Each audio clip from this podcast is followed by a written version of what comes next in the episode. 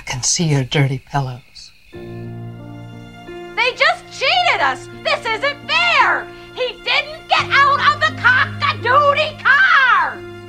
From the novel by Stephen King, Misery. Carrie.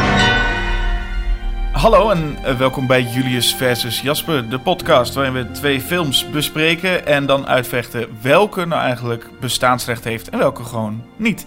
En dat doen we met eh, een Julius. Hallo. En dat doen we met een Jasper. En dat doen we met twee Stephen King films. Ja, in dit geval wel, ja. Ja, we duiken weer eens de Stephen King uh, wereld in, want dat hebben we al eens een keer eerder gedaan hè, met deze podcast. Ja, uh, we, hebben, we hebben een keer uh, Sleepwalkers versus Maximum Overdrive gedaan. Dat was wel een leuke aflevering, maar dat zijn natuurlijk wat minder prestigieuze King-titels. En we hebben It versus It gedaan. En we hebben kort geleden nog The Mist besproken. Ja, stuk um, voor stuk wat je ook van die films vindt. Uh, uh, en wat je eigenlijk van het werk van Stephen King en zijn verfilmingen vindt. Uh, niet alles is even goed. Nee, maar we hebben nu twee titels die wel behoorlijk prestigieus zijn. Ja, behoren toch wel echt bij zijn beste werk, denk ik. Ik denk dat de meeste mensen het erover eens zijn dat inderdaad Carrie en Misery, want daar gaat het om, twee van de betere Stephen King verfilmingen zijn. Zeker Carrie. die zal ik dan ook gaan verdedigen. Ja, maar ook zeker Misery, en die zal ik dan verdedigen. Oh ja. ja, ook twee films die allebei geprezen worden om uh, sterke rollen van de titel... Of nee, niet de titelfiguur bij Misery natuurlijk, maar sterke rollen van de vrouwelijke hoofdrol. Ja, bij beide kwam, uh, kwamen uh, Oscars kijken. Of zowel nominatie als, als echt een, een beeldje. ja, niet alleen een nominatie, maar ook nog eens een beeldje, ja. Nou, jij in het geval van Misery dan? Ja, precies. Maar een nominatie voor je allereerste, uh, je, je, eerste boek, je eerste verfilming en dan twee nominaties en een regisseur als Brian De Palma. Stephen King kon het slechte treffen. Ja, nee, precies. Carrie was zijn eerste boek door zijn vrouw uit de prullenbak gered, ook nog eens een keer. En uh, werd inderdaad uh, meteen verfilmd toen hij nog helemaal niet zo'n grote naam was. En of, ja, het boek was, dat, was natuurlijk wel een bestseller, maar hij was nog niet de Stephen King van nu, uiteraard. Sterker nog, ik zag net even de, de officiële trailer van Carrie terug. En daar stond zijn naam nog uh, als Steven met een V. Dus ze, mis, oh ja. ze schreven zijn naam nog verkeerd.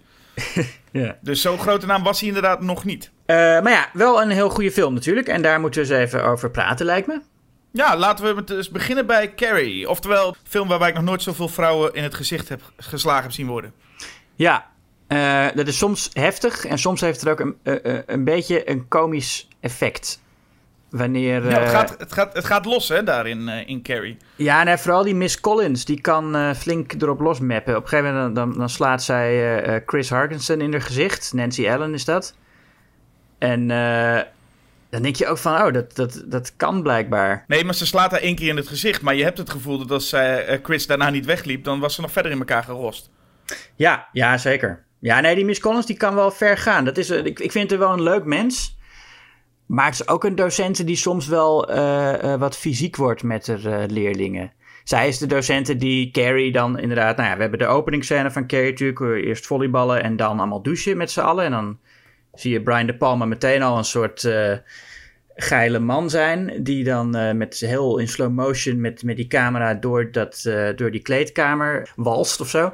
Ja, als je niet zou weten welke wat voor film je kijkt... zou je hier denken dat het misschien wel bijna een soft erotische film is. Ja, en, en dan zoom je ook nog eens in op die Carrie die zichzelf aan het wassen is. Maar dan wordt die erotische dromerigheid verbroken door een uh, straal bloed. En dan is meteen, uh, uh, slaat alles om en, en, en worden die meisjes die we net zo lieflijk hebben gezien... blijken allemaal in staat tot gruwelijke, hoe noem je dat? Emotionele mishandeling wanneer ze Carrie bombarderen met tampons en handdoeken en zo. Ja, je zegt het goed, allemaal. En dat is ook, uh, dat is ook letterlijk zo. Dat ze allemaal, er is ook niemand eigenlijk tussen die uh, besluit niet mee te doen. Ja, dat, nee, dat vind ik wel goed. Dat ook Sue, Amy Irving, die later een beetje een, sympathieke personage wordt, hier ook nog meedoet. Want zo, ja, zo gaat dat ook gewoon op middelbare scholen. Heel veel leerlingen, of heel veel uh, tieners zijn eerst pesten ze iemand en de volgende dag niet meer en zo. Ja, dat, dat, zo zijn tieners.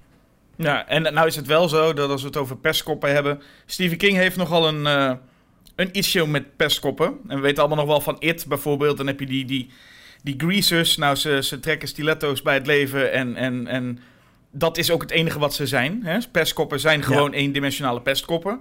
Uh, dat is hier niet helemaal zo, maar het is wel gewoon... Carrie wordt wel omringd met klootzakken en, en, en bitches en nou ja, de meest onsympathieke figuren. Ja, met name die Chris natuurlijk, die, die echt uh, een hekel aan haar heeft en, en behoorlijk ver gaat in haar wraak. Want ze krijgt natuurlijk straf om, om wat zij uh, Carrie hebben aangedaan van de gymlerares Miss Collins. En uh, daarom wil ze wraak op Carrie. En dat wordt dan dat er, nou ja, op, op, op, het, op het bal aan het einde van het schooljaar. Um, zij moet overdompeld, zij, zij moet allemaal varkensbloed over zich heen krijgen. Dat, dat weet de luisteraar waarschijnlijk wel. En uh, dan moet je een varken doodmaken. Nou, ik vind het, een behoorlijk, ik vind het behoorlijk ver gaan, moet ik zeggen. Je zou ook kunnen zeggen van, doe gewoon, weet je, pis in een emmer of zo. Dan heb je, heb je ook wel je punt gemaakt. Ja, of ga naar die varkensstal en, en, en flikker allemaal varkensmest in die emmer. Ik bedoel, dat zou je ook kunnen, uh, kunnen doen. Maar nee, we gaan zo ver dat we een varken volledig opensnijden en, uh, en leeggooien. Ja, nou ja, het is ook wel, ja, je, ma je maakt wel echt een punt ermee. Dat is wel zo. Het is wel, je laat echt zien dat je behoorlijk ver bent gegaan als je dat doet. Hoewel natuurlijk niet voor iedereen meteen duidelijk is dat het varkensbloed betreft. Maar het, is ergens wel bewonderenswaardig dat Chris geen genoegen neemt met halve maatregelen. Nee, alleen je vraagt je wel af of de personages ook dusdanig, net als Brian De Palma en Stephen King waarschijnlijk zelf, dachten: Oh, nu is het mooi rond. Het begint bij dat bloed van de menstruatie en het eindigt bij een emmer bloed gooien. Maar Chris en vooral haar vriendje John Travolta uh, komen nou niet echt over als, als uh, personages die daar ook echt over nadenken. Nee, natuurlijk niet. En het is ook niet zo belangrijk natuurlijk. Ik bedoel, het, ik, ik zeg net wel dat je net zo goed Piss en Emma had kunnen doen, maar dat was natuurlijk een veel minder effectieve scène geweest. Het, het, het, is echt wel van belang dat, daar, dat, het, dat het bloed is.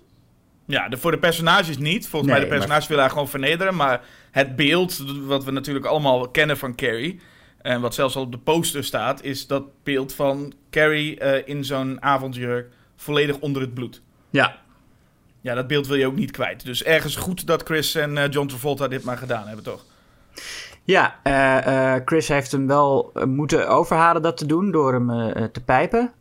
Waarbij ze nog heel goed kon praten. Ze, je ziet er met haar hoofd omlaag gaan en vervolgens zegt ze de hele tijd: Oh Billy, oh Billy, I hate Carrie White. Terwijl Billy ondertussen, John Travolta, dus heel erg lijkt te genieten van wat ze aan het doen is. Maar ik heb geen idee wat ze dan precies aan het doen is met zijn lul. Nee, want John Travolta die, die, die oogt inderdaad alsof hij al meteen uh, tot een climax komt. Maar voor iemand inderdaad met de mond vol articuleert zegt heel goed de hele tijd. Ja. Het was in ieder geval overtuigend genoeg om het varkentje uh, te wassen ja. te vermoorden. Maar voordat ze, voordat we, uh, want dat zijn natuurlijk de grote klootzakken, uh, Chris en, en John Travolta. Ja, John Travolta niet helemaal misschien, maar Chris vooral. Nou, is, is... John Travolta niet helemaal misschien? Uh, nou ja, meer uh, voor Carrie. Ik, heb niet, ik weet niet even oh. of John Travolta iets echt tegen Carrie heeft. Nee, nee, maar hij is wel een klootzak. Ik bedoel, ja, goed dat je, dat je dat überhaupt doet al. Maar ook hij slaat zijn vriendin ook. En dat is ook een typisch Stephen King uh, ding natuurlijk. Klootzakken die hun vriendin slaan. Maar voor, voor zeg maar, als we, we leven natuurlijk voornamelijk met Carrie mee. En die krijgt nogal wat... ja, die, die kent Billy niet. Nee, en die krijgt wel andere figuren. Bijvoorbeeld dus, nou ja, die directeur. Hè, die komt als eerste ook uh, erbij. En die is niet meteen een klootzak, maar is wel iemand die je volgens mij zo vaak moet herinneren dat ze Carrie heet. En ik weet niet hoe vaak ze het moeten zeggen. Maar hij blijft hem maar Cassie noemen. Ja, hij luistert ook gewoon niet. Nou, daar wordt ze flink pissig van. En dan is het natuurlijk ook zo dat, hij, dat ze daar even laat zien wat voor krachten ze heeft. Dat liet ze in de kleedkamer al even zien. en daarna ook door die asbak van die tafel af te flikkeren, weten we ook al er is iets, er is iets met Carrie. Ja, en iets dat ze niet onder controle heeft in elk geval, want dat lijkt me geen bewuste keuze. Niet helemaal, maar als ze dan vervolgens een, een uh, als ze op straat loopt en er komt een jongetje aan fietsen die dan uh, haar uitscheldt voor Crazy Carrie, geloof ik. Creepy Carrie. Hij zegt in ieder geval geen leuke dingen. Uh, nee. Hij weet wel haar naam, maar dat dan weer wel. Maar hij had nog Creepy Cassie kunnen zeggen. Maar vervolgens flikkert ze hem wel van die, van die fiets af. En dat is dan wel iets van ik weet niet of ze dat volledig onder controle heeft, maar ze doet daar wel iets wat ze volgens mij ook bedoelde te doen. Ja, wel, misschien wel. Misschien, ja. Dat is, dat is trouwens de, uh, Cameron de Palma, dat jongetje. Kijk. Daar ga je. Daar ga je. Uh, maar goed, dan komt ze thuis bij de moeder. Uh, en ja, die moeder, dat is ook wel een behoorlijk naar figuur om om je heen te hebben, lijkt me zo. Ja, Piper Laurie. Die komt, een actrice die dacht dat ze een, in een zwarte komedie beland was. En ook niet heel gek, want Brian De Palma maakte eerder ook wel comedies. Maar ze speelde zo over de top dat ze dacht: dit kun je niet serieus nemen. Nou ja, dat, en dat deed Brian De Palma dus wel. Wat wel heel geestig is voor iemand die denkt dat je een hele. die denkt: ik kom in een hele andere soort film. En daar ook dan nog een Oscar-nominatie natuurlijk voor krijgen. Maar wel geestig hoe ze totaal verschillend op een verschillend niveau zaten.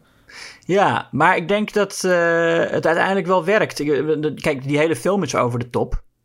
Um, en zij nog het meest qua, qua van alle acteerprestaties. Uh, maar Ehm, ik vind het eh, op zich bij het personage prima werken, want dat zij zo is. Want ze is ook gewoon niet. Ze is niet alleen een, een, een fundamentalistische christen. Ze is ook daarnaast gewoon niet helemaal in orde, mentaal gezien. En uh, ze, heeft, ze, ze, haalt ook lang niet al haar geloof uit de Bijbel. Dat hele stuk van The Raven was called sin dat staat niet alleen niet in de Bijbel, maar dat is ook helemaal niet iets, een, een christelijk idee. Dat, dat uh, Eva gezondigd heeft door seks te hebben met Adam. Dat is onbijbels.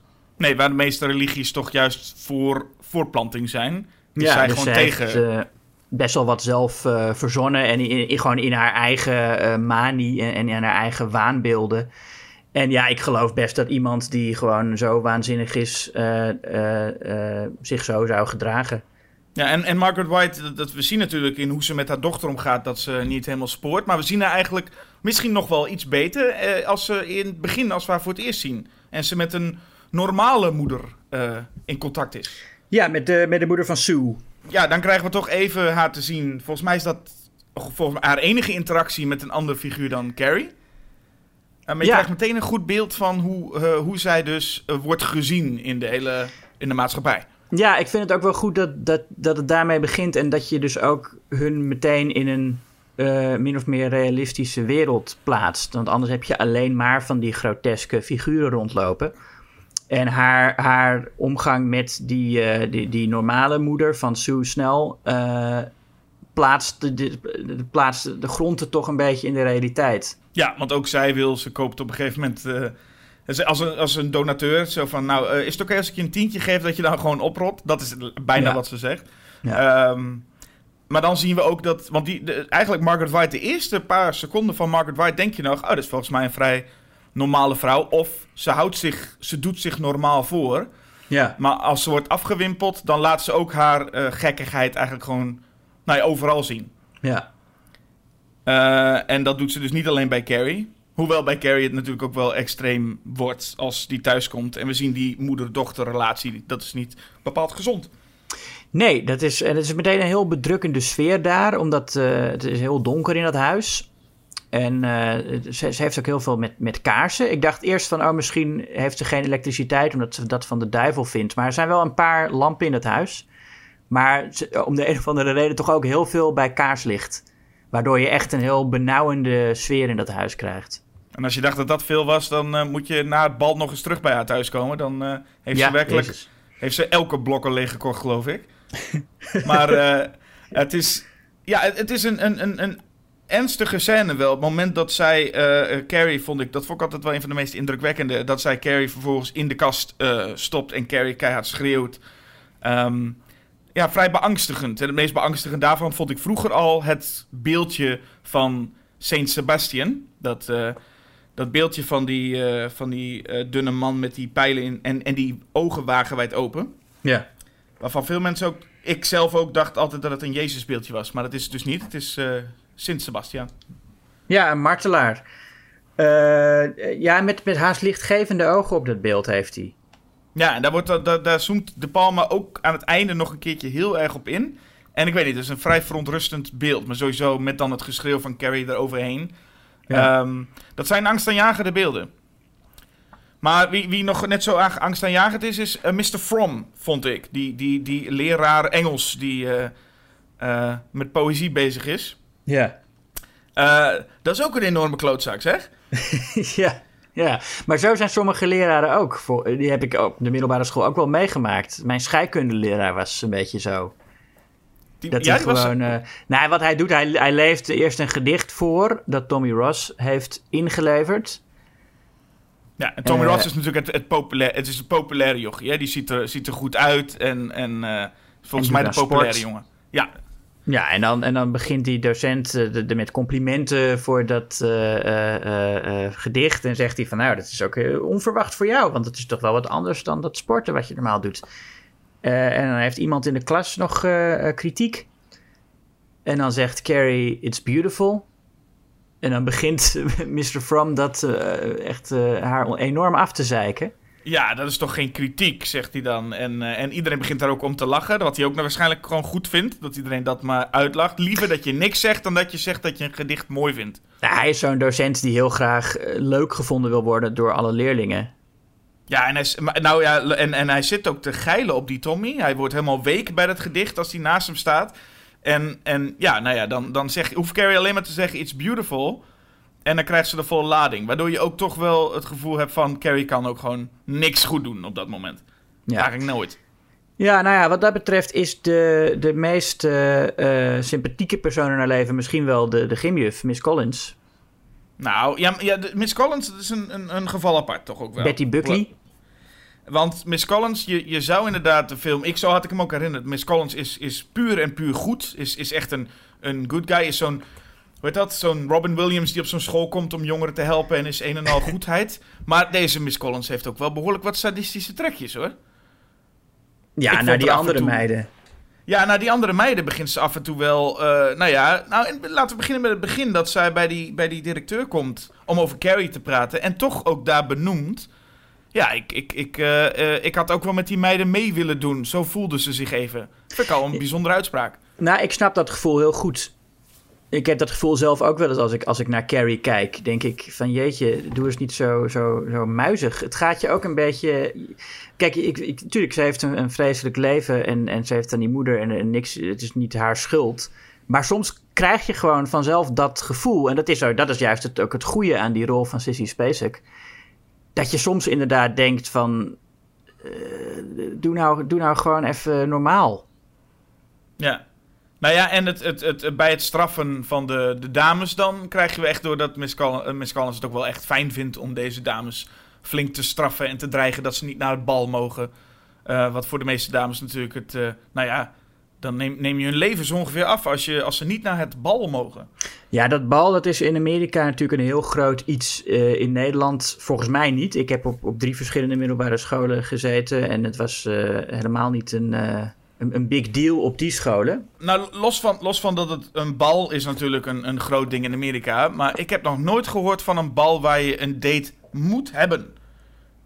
Ja, ik weet ook niet hoe dat precies zit. Of dat in de jaren 70 nog zo was eh, en of dat of nu nog steeds. En hoe dat dan zit met of er dan een, een, een gelijke hoeveelheid uh, uh, jongens en meisjes moet zijn. Want in de jaren 70 waren ze nog niet woke.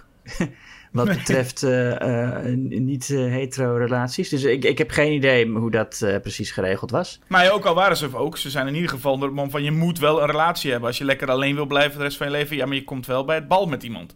Ja. Hè, want er wordt ook een, koning en koningin aangewezen. Je moet als, als dame gevraagd worden, dat soort dingen. Um, ja. ja het, het, is een groot ding. Het is natuurlijk een veel terugkerend ding in, in heel veel high school films. waar dat bal altijd een groot eindding is. Ja, omdat het ook uh, lekker filmisch is en gelegenheid geeft voor uh, drama en zo. Nou ja, het is sowieso een heel groot ding. En zo ontmoeten wij eigenlijk ook, ja, eigenlijk wel. Het, wat je zegt, Miss Collins is misschien het meest sympathieke personage. Maar ik denk dat Sue dat langzamerhand aan het worden is. Ja, Sue, ook wel, Sue heeft, is een beetje naïef natuurlijk in haar poging Carrie te helpen. Door ehm, haar, haar vriend Tommy ervan te, willen overtuigen uh, uh, haar mee naar het bal te nemen. Wat aan de ene kant, het is ook wel echt goed voor Carrie, want ze, ze wordt dan vrolijk en ze leeft dan op. En dat is ook, vind ik, echt ontroerend om te zien. Uh, juist omdat je eerder zo gefrustreerd was dat ze niet. nou ja, dat je ook wel een beetje boos op, op Carrie kon worden. is het juist op het moment dat ze opfleurt extra ontroerend om te zien, vind ik. Ja, en wat ik ook heel fijn vind aan dat uh, element is dat het heel sterk is dat ze Carrie slim maken. Omdat Carrie uh, wordt ook inderdaad benaderd door de knappe Tommy Ross uh, van zal ik je meenemen. En zij gelooft het in eerste instantie niet. En ze willen het in eerste instantie niet. En dat is, maakt het wel heel fijn. En ook Miss Collins komt er nader op terug. Met dat ze denken: ja, wat willen jullie? Willen je haar voor de gek houden? Maar het is vooral heel fijn dat Carrie er niet meteen intrapt. Dat maakt haar wel slimmer. En dan is Miss Collins degene die ook nog eventjes uh, hen aan de tand gaat voelen. En dat vind ik dan zelf een van de leukste scènes in de hele film. Is dat Miss Collins dan Sue en Tommy gaat confronteren. En dat Sue dus eigenlijk gewoon helemaal aangeeft dat, ze, dat het een goed plan is. Miss Collins dat het een slecht plan is. En die Tommy zit daar lekker knullig tussenin. Ja. Met zo'n houding van, van dat hij tegen Miss Collins ook zegt... Nou, nee, ik, ik, ik, hoef er ook niet mee te nemen, dan, dan doe ik het wel niet. En dan Sue weer... Nee, nee, nee, je doet het wel. Nou ja, dat vond ik heel goed hoe hij daar lekker knullig tussenin zit met... Ja, ik wil het niet per se, uh, maar ik doe wat mijn vriendin wil dat ik doe. Ja, het is heel goed gespeeld ook door William Cat. Die, die houding van, uh, ik, ik, ik weet het niet, maar ik, ik laat het maar gebeuren. Ja, een leuk, leuk figuur wat dat betreft. Uh, en sowieso vind ik daar ook een hele goede edit uh, zitten. Als Sue to, Tommy vraagt om het te doen, dan weet de Palme heel goed wat hij niet en wel moet laten zien. Door gewoon meteen te knippen naar een moment dat Sue huiswerk aan het maken is en Tommy maar voor die tv hangt. En op een gegeven moment zich omdraait en zegt: nou, vooruit, ik doe het wel. En dat is gewoon een hele goede manier van vertellen om heel veel weg te laten. Want we weten wat er allemaal tussen wel waarschijnlijk heeft plaatsgevonden. Ja. En uiteindelijk doet hij het. En dat is ook eigenlijk helemaal geen vraag. Waarom, waarom zou hij dat toch doen? Het is gewoon, ja, hij doet het en hij gaat, uh, hij gaat achter Carrie aan. Ja, hij, ik denk dat hij het vooral doet om, omdat, uh, om, omdat, omdat, omdat, hoe heet ze, Sue het hem vraagt. En ik vind het heel goed werken van Sue, dat, dat, een beetje die naïeve poging om Carrie te helpen. Ze voelt zich natuurlijk ook een beetje schuldig. En dat ze dan dus iets doet wat, wat wel Carrie vrolijk maakt, maar wat natuurlijk aan de andere kant, eh, het blijft oneerlijk. En ik, het is ook niet dat ze nu opeens heel goede vrienden gaan worden. Ik bedoel, als het, als het anders af was gelopen, zie ik niet per se voor me hoe Sue en Carrie samen gaan winkelen of zo. Nee. Misschien één keer, maar dat is, ja, dat, ik, ik, ik, ik, verwacht er niet al te veel van. Nee, het is ook heel fijn dat het niet zoveel. Nou, was het ook een hele andere film natuurlijk geweest. Maar dat, zo, dat, je zo'n, dat er zo'n uh, moment komt dat ze Carrie mee gaan nemen. En dat ze hem, haar helemaal make-up gaan geven. En wat dan ook. Carrie blijft gewoon lekker thuis wel. En ja. heeft alleen maar met Tommy even één keer contact gehad en verder niet. Ja, precies. Ik bedoel, heel veel, hoeveel ja. films kennen we niet waarin de, de hippe meisjes uh, het, het, het, het ge, uh, de pest, het gepeste meisje een beetje gaan helpen. Clueless is een goeie. Nou ja, bijvoorbeeld. Maar dat is, uh, ja. In dit geval blijft Carrie gewoon echt thuis. En wat wel heel fijn is, is dat Carrie wel wat doormaakt. Want ze wordt iets stelliger tegenover haar moeder. Ja, dat is wel fijn om te zien. Ja, nee, alles aan Carrie is, is wel fijn om, uh, om, om. Elke ontwikkeling die ze doormaakt is heel uh, uh, geloofwaardig. En ook de meeste zijn ook heel prettig. Ja, want het is inderdaad wat je zegt. Het is ook geloofwaardig. Het is niet dat ze ineens opstaat en, en tegen haar moeder van alles roept. Het is gewoon meer dat ze nu iets zelfverzekerder is van... Ja, maar ik wil gewoon gaan en je houdt me niet tegen. En dat houdt die moeder ook niet, want dan laat ze ook haar krachten weer even zien. Ja, en dan zet ze wel heel bewust haar, haar telekinetische kracht in als die moeder op het bed geworpen wordt. Ja, dat zien we niet vaak. Dat ze echt het bewust doet en dat er ook verder geen nare consequenties uh, zijn bij het gebruiken van haar krachten. Nou, de consequentie is in dit geval dat de moeder overtuigd raakt dat ze een heks is en er uiteindelijk vermoordt. Ja, maar ja, dat is een, dat is kleinigheid, toch? Oh ja, oké. Maar nee, het is, het, uh, maar de, de directe consequenties zijn er niet. Zij kan wat dat betreft uh, gewoon... Hè, ze, ze duwt moeder op bed en zegt, ik ga er vandoor. Ja. Dat, ik denk dat elk tienermeisje dat wel in een, uh, in, ge, gewild had. Ja, ja dat ja. zou goed kunnen, ja. Nou ja. En dan gaat ze naar het, het, het, het, het bal. Nou ja, en het bal is ja, de, de, waar, nou ja, waar de meeste mensen het over hebben, geloof ik, als je het over Carrie hebt. Ja, en ja, want daar gaat De Palma ook echt los met zijn, uh, ja, een aantal van zijn meest expressionistische scènes.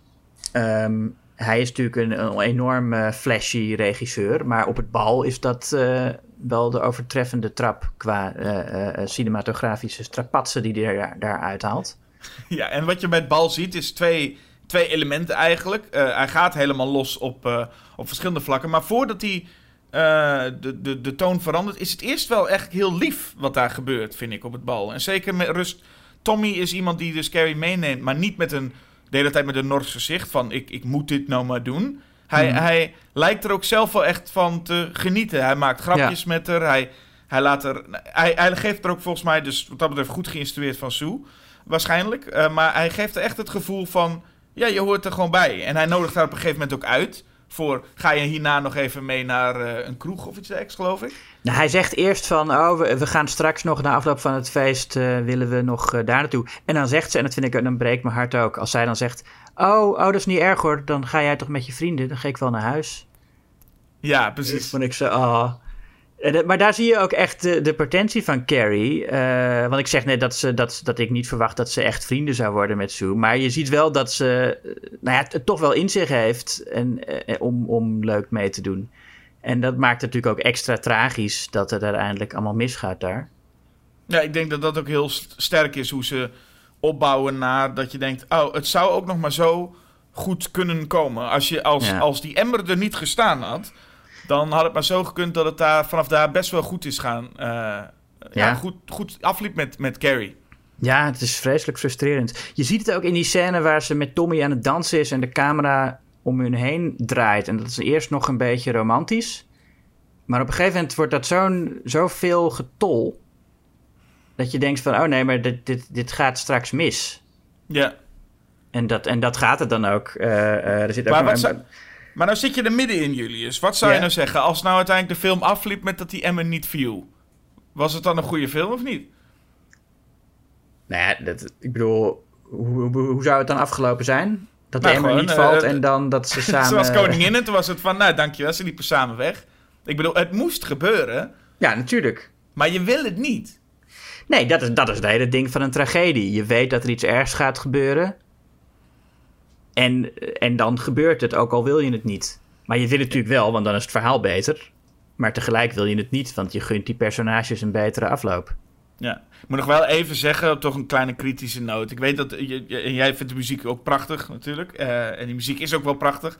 Maar uh, de, het gebruik van de muziek vind ik toch niet helemaal prettig op het moment dat nou, de hele mooie muziek is. Maar iedere keer als die tering emmer weer in beeld komt, komt er weer een soort van duister pom pom pom. En dat, uh, iedere keer weer, als die Emma dan weer in beeld is, is het weer met zo'n soort muzikale cue van... Ja, ja, ja, ja, daar staat hij nog. Ja, dat is niet de cue van een emmer. Dat, dat zit heel mooi in dat stuk verwerkt. Als het alleen maar die emmer was en dan pam, pam, pam, dan zou het zo zijn. Maar het is juist dat, die, dat, hele, dat complete stuk muziek van Pino Donaggio... dat opbouwt naar dat pam, pam, pam. Daar, in, in die context vind ik het heel goed werken. Zeker de eerste keer als je dat ja, maar ze knippen daarna nog best wel meerdere keren er naartoe. Na die en weer naar ja, die maar, weer Ja, maar wel altijd, altijd, altijd met dat stuk. En het is...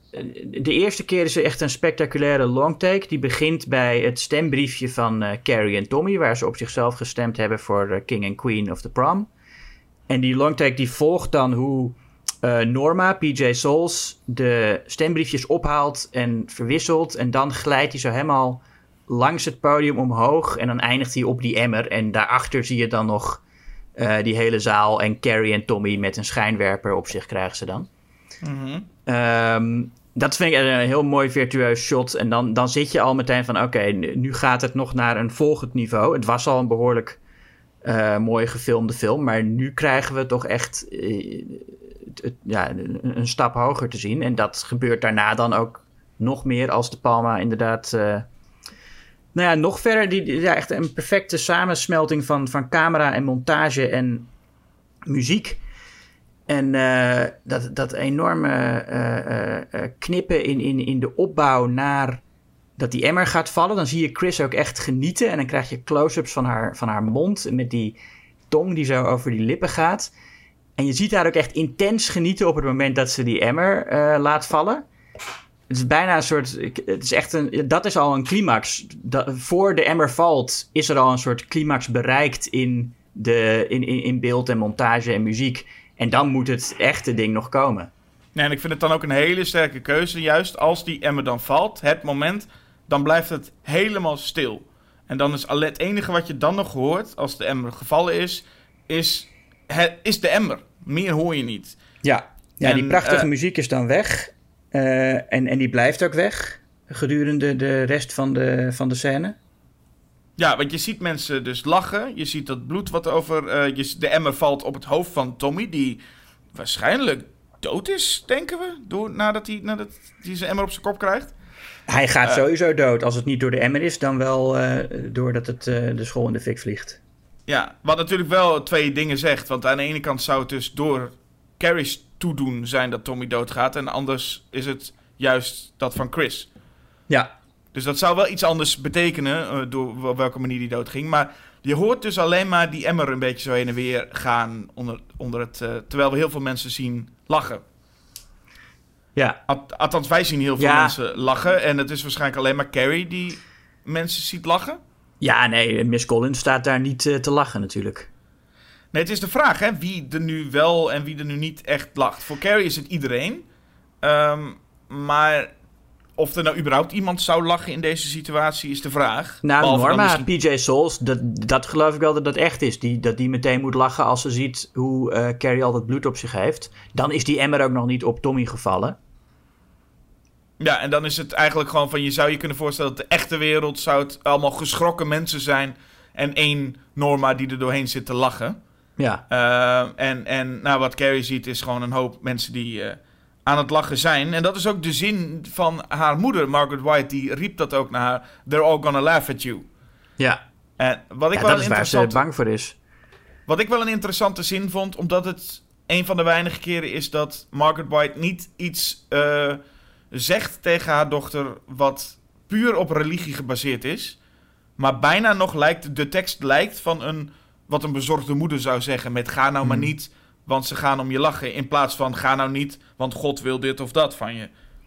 Ja, nou ja, dat is natuurlijk de, dat is wat Carrie onthoudt. Ja, Carrie is niet zoveel als haar moeder bezig met wat God wil. Zij is vooral bezig met gaan ze mij uitlachen. Dus het is logisch dat die zin in haar hoofd blijft hangen. Ja, waarbij ze ook later tegen haar moeder ook zegt hè, thuis van je had gelijk. Um, ja. En dan is de moeder ook wel weer helemaal bijgedraaid. Dan is het niet van oh arme Carrie, want dan is moeder al overtuigd van je bent een heks en je moet dood. Ja. Uh, maar voordat zij uh, dood moet, gaan er eerst een heleboel andere mensen dood. Ja, in splitscreen. In splitscreen. Ja, dat is wel een spektakel wat daar dan plaatsvindt. Wat Carrie voor elkaar krijgt allemaal. Ja, ik vind het elke keer weer, uh, weer fantastisch, dat splitscreen. Het, het, het, het effect boet nooit in. Nee, nou is het zo dat is natuurlijk een, een, een film vol met allemaal speelse elementen en stijlelementen die uh, even gebruikt worden en daarna niet. Het is niet alsof de hele film vol zat met splitscreen of wat dan ook. De Palma probeert, of mhm. probeert steeds dingen uit of gebruikt steeds verschillende dingen. Moet wel even terugknippen naar die uh, ene verkleedscène waarin die stijl gebruikt van dat die beeld ineens vooruitspoelt. Um, Dat vond ik een minder uh, goed stijlmoment. Dat vond ik juist iets waarvan ik denk, ik weet niet zo goed waarom je dit nou gebruikt. Ja, het geeft een beetje een luchtige high school sfeer aan het hele gebeuren. Dat is wel het fijne aan Carrie, dat er gewoon eh, dat het niet uh, uh, van begin tot eind alleen maar horror is. Dat, dat het gewoon geplaatst wordt in een wereld die nou, in het geval van zo'n versneld afgespeeld stukje niet per se geloofwaardig is, maar wel een wereld waar je wat meer mee kunt identificeren. En, en, en een wat luchtiger, vrolijker wereld. En, en, en, en het is ja, begrijpelijk dat daaruit uiteindelijk uh, die horror voortkomt. Alleen dat specifieke stijldingetje, en het schijnt ook gewoon puur te zijn omdat ze de scène te lang vonden. Dan denk ik, nou, er zijn wel andere manieren om. Uh, je kan je had hem er ook helemaal uit kunnen knippen trouwens, want het is niet alsof de tweede acte van Carrie nou het sterkst is. nou, nee, ik vind, het, ik vind het wel aardig dat het erin zit hoor. Dat, uh, dat je gewoon ziet hoe die gasten hun, uh, hun, uh, hun pakken huren. Ik vind het, ja, dat, dat hoort gewoon bij de high school. Ja, dat, dat hoort bij de wereld waarin die film de horror plaatst. Ja, voor mij hoort het niet bij het verhaal wat op dat moment verteld wordt. Het, het, hm. het is gewoon sowieso al te. Ja, die personages aan zich zijn sowieso niet heel relevant voor Zeker in, dat, in die fase niet. Carrie is daarin wel relevant, maar deze vier, drie gasten die een pak gaan passen en waarvan eentje zegt: Ik wil geen, ik wil geen tuxedo met, met van die franjes of wat is het? Ja, ik weet het niet.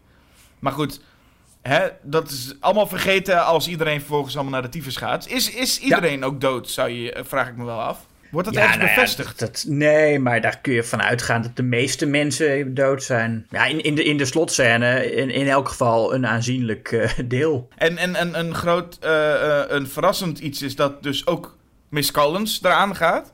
Waarvan je nog zou kunnen denken van... Hé, hey, dat was toch je goede vriendin? En dan blijkt ook wel dat Carrie waarschijnlijk zichzelf niet helemaal onder controle heeft. Of daadwerkelijk van mening is dat Miss Collins haar heeft uitgelachen.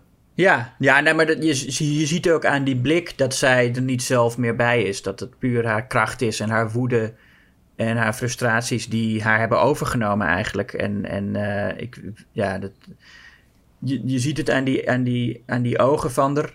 Dat dit, dit ze, ze, ze, ze, heeft op een bepaalde manier, Sissy Spacek, uh, maakt zichzelf minder menselijk met die blik. Ja, dat is wel ijzersterk gekozen ook. Sowieso natuurlijk het hele beeld is, is fantastisch. Carrie daar uh, onder dat bloed in die witte jurk.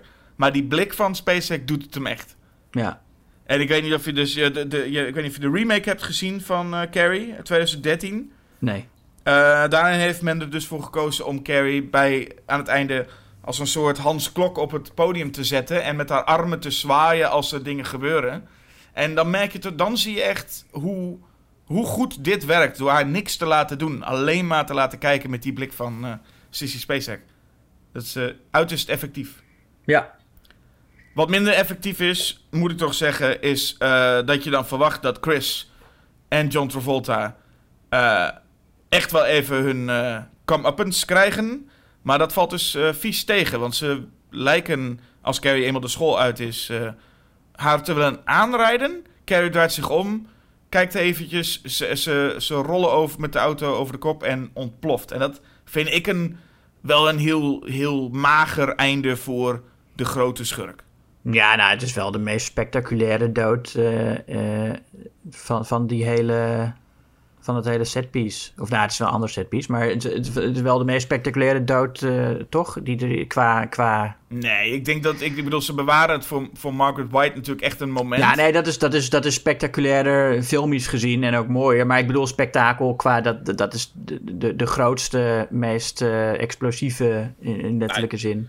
Een deel, kan, een deel kan te maken met gewoon die effecten. Soms die versnellingen van, van, van dat beeld dat, dat zo'n auto uit de bocht schiet en vervolgens dat, dat, dat ronddraaien.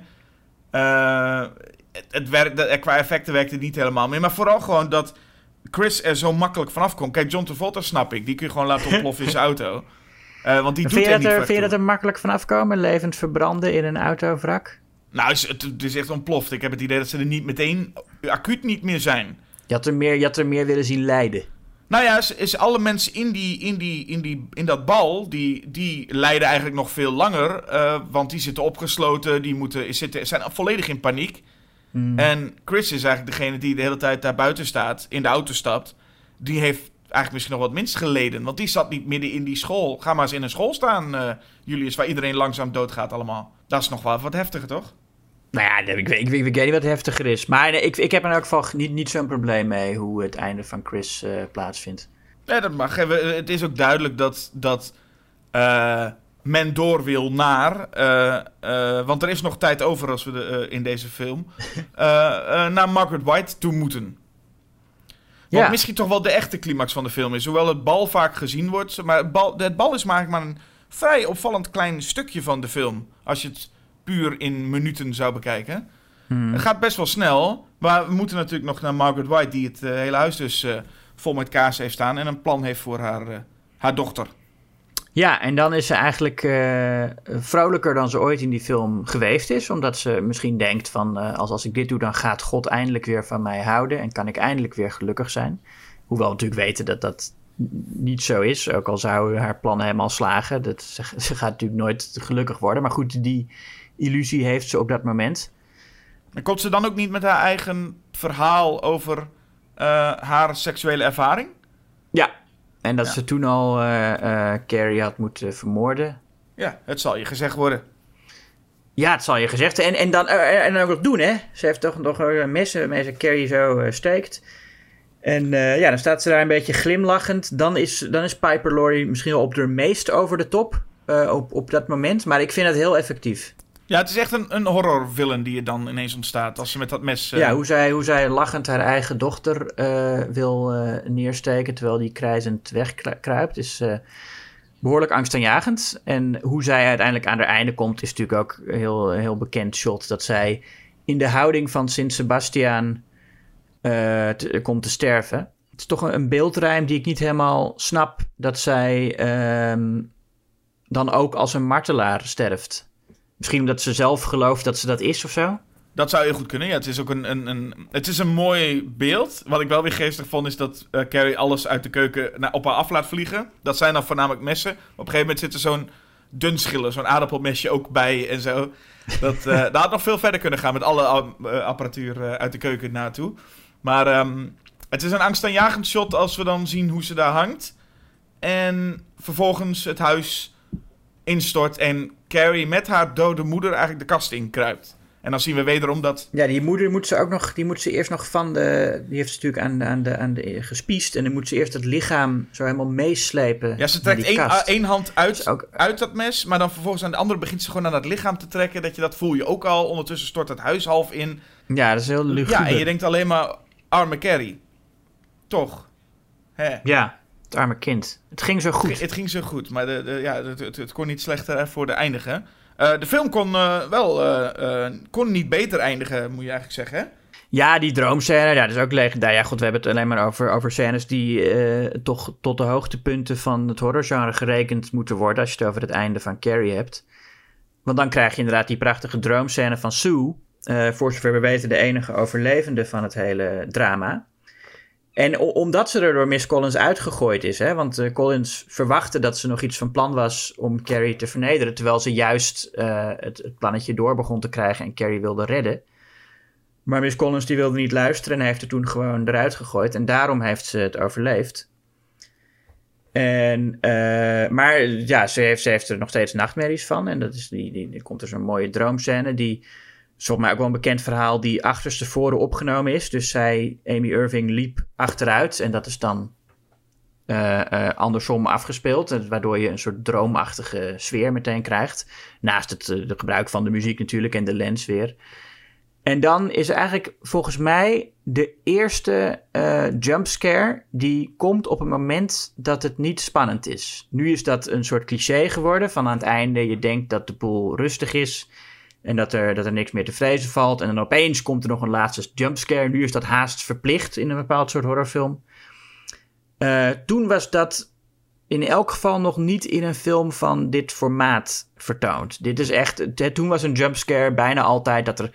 Er moest eerst heel veel spanning opgebouwd worden. En dan kreeg je de jumpscare als een soort. Uh, uh, hoe noem je dat? Catharsis. En hier is het uh, uh, ja, juist op een heel rustig moment dat je het publiek eigenlijk een beetje in, in, in, slaap sust en dan opeens wakker laat schrikken. Wat ze natuurlijk in Friday the 13th later exact nagedaan hebben. Met Jason die uit het water springt. En daardoor is het volgens mij een beetje een cliché geworden in al die films. Ja, ik heb ook het gevoel dat een film in die tijd van Carrie... Normaaliter zou vaak zo'n horrorfilm eindigen met zelfs gewoon het... Daar hebben ze niet eens echt een afronding. Vaak is dan het huis dat instort. Zie je gewoon het huis dat instort. En volgens als het huis aan het bijna klaar is met instorten, freeze frame. En dan komen meteen die credits erop. Uh, ja, dat is, het vind ik wel heel lekker aan films uit de jaren 70. Dat dat uh, toen nog gewoon gebeurde. Dat is toen nog gewoon echt. Uh, ja, het is afgelopen. We zijn klaar. Hop. Nee, maar je hebt ook wel films die inderdaad te lang, veel te lang doorgaan daarin. Weet je wel, die, die, die nog. Dan komt de politie nog langs en dan krijgt iedereen zo'n dekentje en een kop warme chocolademelk en dan wordt er nog nagepraat. Maar het is wel heel fijn als het. Carrie gaat eigenlijk vrij snel. Uh, ja, to the point. Meteen na, na het moment van uh, Sue in haar droom. Ja. En ik snap best dat je als publiek daar uh, even overeind sprong bij de, bij, in de bioscoop. Want het is nog steeds ook goed getimed, die, die Ja, ontzettend goed getimed. Werkt ook nog steeds. Weet je wat ook goed werkt nog? Nou. Misery! Ach, Misery, ja, kijk. Nou hebben we het over Carrie. een film die stilistisch alles uit de kast trekt. En daartegenover Misery, een film die stilistisch uh, uh, niks uit de kast trekt. Nee. Eigenlijk een hele opsmukloze, gewone film. Hier is je film en, uh, en, en, we gaan verder niks spectaculairs doen qua stijl. Wat geen kritiek is, want het werkt prima bij Misery. Ja, en Misery leeft, ik bedoel, we, leefden, we, we praten net nog over de tijd waarin Stephen King nog met een V geschreven werd. Uh, en we gaan nu naar de tijd waarin alles van Stephen King al verkocht werd voordat er überhaupt een boek was. Ik bedoel, als hij ook maar volgens mij een, een scheet op papier zette, werden de filmrechten er al van verkocht. En ten tijde van Misery, uh, Stephen King hield altijd die rechten voor zichzelf. Want hij dacht, ja, dat gaan ze misschien verkloten. Geen idee hoe hij aan dat uh, idee zou kunnen komen, alsof zijn verfilmingen verkloot worden. Um, Maximum Overdrive. Uh, maar toen kwam, toen kwam Rob Reiner aanzetten. En met Stand By Me had hij natuurlijk zo'n goede en succesvolle film gemaakt... dat Stephen King zei... Jij mag hem, jij krijgt hem... Maar je mag hem alleen als je hem zelf produceert of regisseert. Nou ja, dat... en dat deed hij dus. Een tweede Stephen King verfilming. Ja.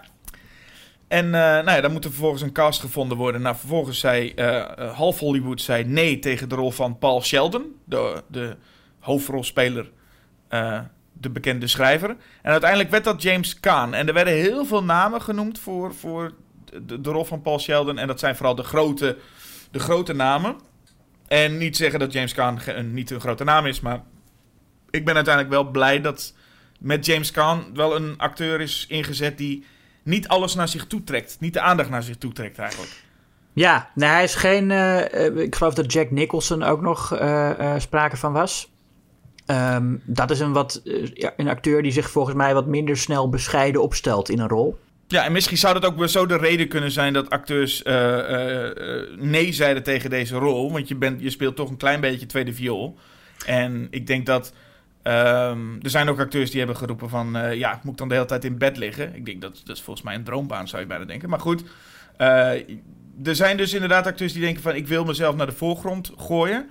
Alleen bij Misery kan dat niet. Want bij Misery is toch er iemand anders echt wel op de voorgrond. Of trekt in ieder geval alle aandacht naar zich toe. Ja, en het werkt ook alleen maar als je daar tegenover een, een relatief ingetogen rol hebt. Als je dan kun je toch, als, als het toch een beetje gegrond is in de realiteit door een soort anker uit te gooien van een, een ja, wat bescheidene rol. Die, die gewoon ook prima is.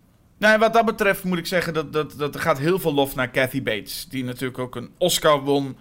En uh, eigenlijk alle aandacht krijgt als het gaat om, om, om Misery.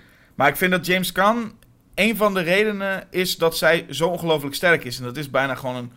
Nou ja, spreekt bijna voor zich. Maar het geldt hetzelfde als voor een hele goede komiek de aangever is altijd onmisbaar. En dat is hier ook zo. En het feit dat James Caan, hoe hij het speelt ook, de ingetogenheid, niet alles naar zich toe trekken, maakt eigenlijk Kathy Bates wel uh, zo goed. Ja. Het is wat dat betreft een goed duo. En dat is ook maar fijn ook, want uh, we hebben alleen maar voornamelijk met hen twee te maken in een ruimte. Wat je zegt, uh, weinig poespas, maar gewoon een ruimte en twee hele goede acteurs. Ja, in een, in een verhaal van Stephen King dat, uh, waar zeker autobiografische elementen in zitten, heeft hij zelf ook gezegd. Het gaat natuurlijk over een schrijver die een, een, heel succesvolle, maar niet zo heel hoog aangeschreven boekenreeks heeft over Misery. Een soort romantische boeken over een vrouw aan het eind van de 19e eeuw. De posters doen een beetje boeketreeksachtig. Ja, ja, nou, het is, ik denk wel een stap boven de boeketreeks. Want hij is wel, zijn naam is wel heel bekend. En hij heeft ook uh, natuurlijk echt fans. En, uh, en hij, hij, doet interviews bij talkshows en zo. Ja, maar het, het, het, schijnt qua inhoud... krijg je een beetje het vermoeden... of zo praat Paul Sheldon er zelf ook wel een beetje over... maar is het toch vrij nou ja. Is het gewoon niet goed? Nee, het is gewoon troep. En, uh, en, uh, en je ik vraag me wel af hoe Stephen King uh, zichzelf dan ziet. Want Paul Sheldon zegt op een gegeven moment... Hij, Sheldon zelf kijkt natuurlijk... hij heeft niet zoveel respect voor wat hij zelf maakt. Hij wil betere dingen schrijven. En hij zegt tegen zijn agent... Lauren Bacall trouwens... Zegt hij... I haven't been a writer since I've been in the misery business. En dan heeft hij het natuurlijk over Misery zijn personage. Maar goed, je zou. Stephen King zit ook in de misery business. En over hem wordt natuurlijk ook gezegd dat het niet zo'n goede schrijver is. Ik denk niet dat hij zelf zo naar, naar zijn werk kijkt als Paul Sheldon naar uh, Misery. Maar het, het lijkt me toch een, een, een soort knipoog daar. Nou ja, en er zit ook een, een element in. Niet voor niks schreef uh, Stephen King rond deze tijd, eind jaren tachtig, uh, ook The Eyes of the Dragon. Bijvoorbeeld zijn poging om fantasy te schrijven. En dat werd niet heel goed ontvangen. Hij heeft dit later natuurlijk met, met uh, The Dark Tower en zo nog wel veel vaker geprobeerd. Maar het feit dat hij toch eens wat anders probeert, uh, wordt ook niet altijd even uh, gewaardeerd door de fans. Dus dan merk ja. je ook dat hij, dat hij daar natuurlijk ook mee speelt. En heel ironisch genoeg zag ik onlangs nog zijn verfilming voor The Dark Half. Wat bijna nagenoeg hetzelfde uh, element is uh, met een schrijver die eigenlijk wil stoppen met de boeken die goed verkopen. Wat een beetje troep is. Dat zijn van die, van die gewelddadige actieboeken. En hij wil gaan voor de kunst, de prijzen, de, de waardering van critici. Ja. En ehm, ja, daar komt hij mee in conflict. En eigenlijk is dat waar Paul Sheldon hier ook mee te maken heeft. Ja, ja en het is ook eh, wat, wat, ja, en wat er dan gebeurt. Stephen King heeft ook gezegd dat het verhaal een beetje een metafoor is voor ehm, wat er gebeurt als je, als, je, als je een boek schrijft of in een ander creatief proces zit en je wil iets nieuws doen, dan zijn er obstakels op de weg. En ja, zo ook uh, Annie Wilkes. Ja. Dat, zij staat eigenlijk voor de obstakels op de weg uh, in het schrijfproces. Bijna letterlijk zou je zeggen, hoewel het is, het is, niet, het is niet zo, maar je zou bijna nog kunnen denken of Annie überhaupt uh, verantwoordelijk is voor het ongeluk van Paul. Dat hij letterlijk op de weg krijgt. Dat is dus niet zo. Maar je zou het bijna, of je zou er makkelijk Hmm. ook van kunnen maken. Want zij, eh, het is vrij toevallig. Zij stalkt deze, deze beste man. En weet hem te redden als zijn auto van de, de weg afgaat. En hij eh, in een sneeuwstorm terechtkomt. Ehm, en redt hem. En dan lijkt het eerst nog even eh, oké. want Ja. is hij is gered door een, een, door een fan. Een aardige vrouw. Zou je kunnen zeggen. Leuk, lekker enthousiast. Ja. Ehm, maar ja, we weten eh, net zo goed als dat we weten bij Carrie dat de, de, de emmer omgaat, weten we dat het misgaat. En het is dan wel fijn om te zien dat je gaandeweg met Paul ontdekt, ehm, waar gaat het mis? Nou, niet zozeer met Paul, want je, weet, je hebt het wel iets eerder door dan hij. Nou ja, ik- ja, dat is de vraag hoor. Want je ziet aan Paul wel al, natuurlijk is hij sowieso verbaasd en beduust van waar ben ik eigenlijk beland. Maar er zijn steeds hele kleine elementjes waarvan je je, en dat is ook iets wat je een beetje misschien eh, bij hem neerlegt, zo van, zou hij nu al iets doorhebben? Want wij weten natuurlijk dat Annie Wilkes niet spoort. Anders heb je een hele eh, slechte, saai film. Maar er zijn momenten dat Annie ineens een woede, even woedend wordt. Ja, nee, nee, maar het begint ermee. ehm, dat, en dat is het moment dat wij heel zeker weten dat ze niet te vertrouwen is. Zij heeft Paul verteld dat de weg geblokkeerd is en dat ze geen contact kan krijgen met de politie of wie dan ook. Omdat ze de telefoon het niet doet en zo. Ehm, en vervolgens zien we haar eh, over de weg rijden en rijdt ze langs een politiewagen zonder iets te zeggen. En dat is het moment dat wij ons realiseren dat ze niet te vertrouwen is. En dan weet Paul het nog niet echt. Nee, dat is waar. Dat is waar. Trouwens, over omdat je zei hè, dat het, eh, het, het visuele aspect. Dat shot is trouwens wel heel knap gemaakt. De, de, de camera draait 180 graden van de politie zo naar eh, Annie die in de auto zit. Dus er zit Ja. hier en daar nog wel wat. eh, in, in Misery ook wat momenten wat visueel ook heel sterk is.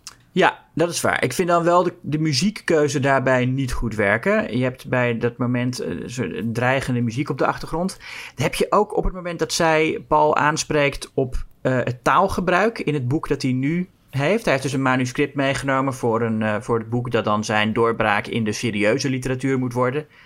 En dat mag zij lezen en dan heeft ze daar een probleem mee. En, eh, de swearing Paul heeft het over. Dat het grof taalgebruik vindt ze niet fijn. En dat wordt dan ja, er zit een soort dreigende muziek achter die veel te veel nadruk legt, vind ik, op eh, dat er misschien wel eens iets mis met haar kan zijn. Heb je op dat moment helemaal niet nodig. Nee, het zou, de, sfeer- het zou de sfeer ook waarschijnlijk nog iets ongemakkelijker maken als je geen muziek zou hebben. Ja, en sowieso, het, die film, eh, hij wil best wel veel al te vroeg kwijt. Het is, ook, er is ook een moment, dan heeft ze het over dat ze vergeetachtig is. En dan heeft ze het opeens over dat ze dingen niet eh, eh, kon onthouden bij de witness stand in Denver. En dan weet je dus al meteen dat ze, oh, ze is blijkbaar bij een, bij een rechtszaak betrokken geweest. Eh, maar ja, dat is zo, het is zo onnatuurlijk dat ze dat op dat moment opeens daarover zou beginnen tegen Paul Sheldon. En het is Ja. ook totaal niet nodig op dat moment in de film, want ja, wa- ik bedoel, hè, het is toch al duidelijk dat zij niet echt te vertrouwen is. Waarom zou je daar nog eh, die rechtszaak op dat moment in gooien? Nee, dat klopt. Het zijn alleen wel kleine vleugjes. Want dat is niet meteen waarvan je nou denkt... wow, die vrouw die spoort echt niet. Ehm, dus het zijn gewoon kleine, kleine eh, vleugjes van... net als een woedeaanval omdat ze de soep morst of iets dergelijks. Waarvan je denkt... oké, Ja. dit, is een vrouw met een gebruiksaanwijzing. Waarschijnlijk met een verleden. Maar nog niks om te denken dat deze vrouw gaat doen... wat ze ook echt gaat doen. En dat had, zeg Ja. maar, Paul Sheldon ook met zijn eh, grootste fantasie niet kunnen... eh, bedenken. Want hij laat daar ook gewoon het, het, zijn manuscript lezen. Hij denkt, nou, daar doe ik er misschien wel een plezier mee. Als ze zich stoort aan de taal, dat kan hij waarschijnlijk ook nog wel denken van, nou ja, dat, dat kunnen er wel meer zijn die dat doen. Alleen ze is mhm. in haar energie af en toe wel net iets te heftig, lijkt het. Maar dat, dat, dat gaat natuurlijk pas, dat explodeert pas als zij een, een boek gaat kopen van Misery. Die toevallig op dat moment net in de winkel verschijnt. Waarin ze leest dat Misery, haar favoriete personage, doodgaat. Ja, dat is toch wel even het, uh, het moment dat de film... Nou, volgens mij is daar wel echt het moment dat Paul echt ontdekt... Ik, ben, ik zit enorm in de problemen. Ja. Want dan wil Annie dat zij Misery Returns gaat schrijven. En dat is ook een heel mooi moment, hè, dat zij dus wil dat, dat Paul uh, nou ja, haar, personage laat terugkeren. Maar niet te makkelijk. Hij mag zich er niet makkelijk van afmaken. Nee, ze is inderdaad uh, tegen redconning. Want aan het einde van het laatste Misery boek... Ja, was Misery eindigde in, in een grafkist in de grond. Dus daar moet het volgende boek beginnen. En zie maar hoe je eruit die grafkist krijgt. Uh, ja, ik denk dat, ja, dat dat soort fans heb je nu natuurlijk veel meer. Of althans, ze zijn veel aanweziger. Als je, als je op, op, Reddit in, in fancommunities kijkt, dan zie je inderdaad dat er op die manier gepraat wordt. En ik vind het ook heel mooi hoe Paul Sheldon dan een boek gaat schrijven dat echt gewoon pure fanservice is. Waarin hij op een belachelijke manier Misery uit haar graf laat komen dat ze in coma geraakt was door een bijensteek. En dan ook nog eens laat blijken dat ze eigenlijk van adel was. Omdat hij gewoon weet, ja, dit is gewoon een, een domme fan die dat vast prachtig vindt als dat nu opeens onthuld wordt. Ja, ja je moet je trouwens voorstellen dat Annie Works in de tijd leefde van Twitter. Ja, dat, ja precies. Dan zou ze, dat, zou, ja. Dat zou wat heftig zijn dan, denk ik. Ze neemt niet genoegen met uh, uh, hij is zomaar terug of het was maar een droom, et cetera. Wat ik wel gewoon heel mooi vind, wat ook iets zegt over Annie als personage. Want je zal snel kunnen denken: Annie Wilkes is gewoon helemaal gestoord, helemaal gek. Maakt er allemaal niet uit. Juist daardoor laat je ook wel weer zien dat ze, nou ja, ook wel intelligent genoeg is. Nou ja, ze is een, ze is een fan. En ze heeft een bepaalde ideeën van hoe haar. Ze voelt een soort, een soort uh, eigenaarschap over hetgeen waar ze fan van is, zoals heel veel obsessieve fans. En daar heeft ze er ideeën over. En het leidt trouwens tot een van de geestigste scènes. Want Kathy Bates is niet alleen uh, angstaanjagend als Annie Wilkes, maar ook regelmatig heel grappig. En het, het komische hoogtepunt vind ik de scène waarin ze het heeft over dat ze dan vroeger bij de bioscoop naar die serials keek die eindigen met cliffhangers. Dat ze ook nog eens Paul vertelt dat, dat ze weet wat cliffhangers zijn. Uh, en, uh, en dan, how did he get out of the car?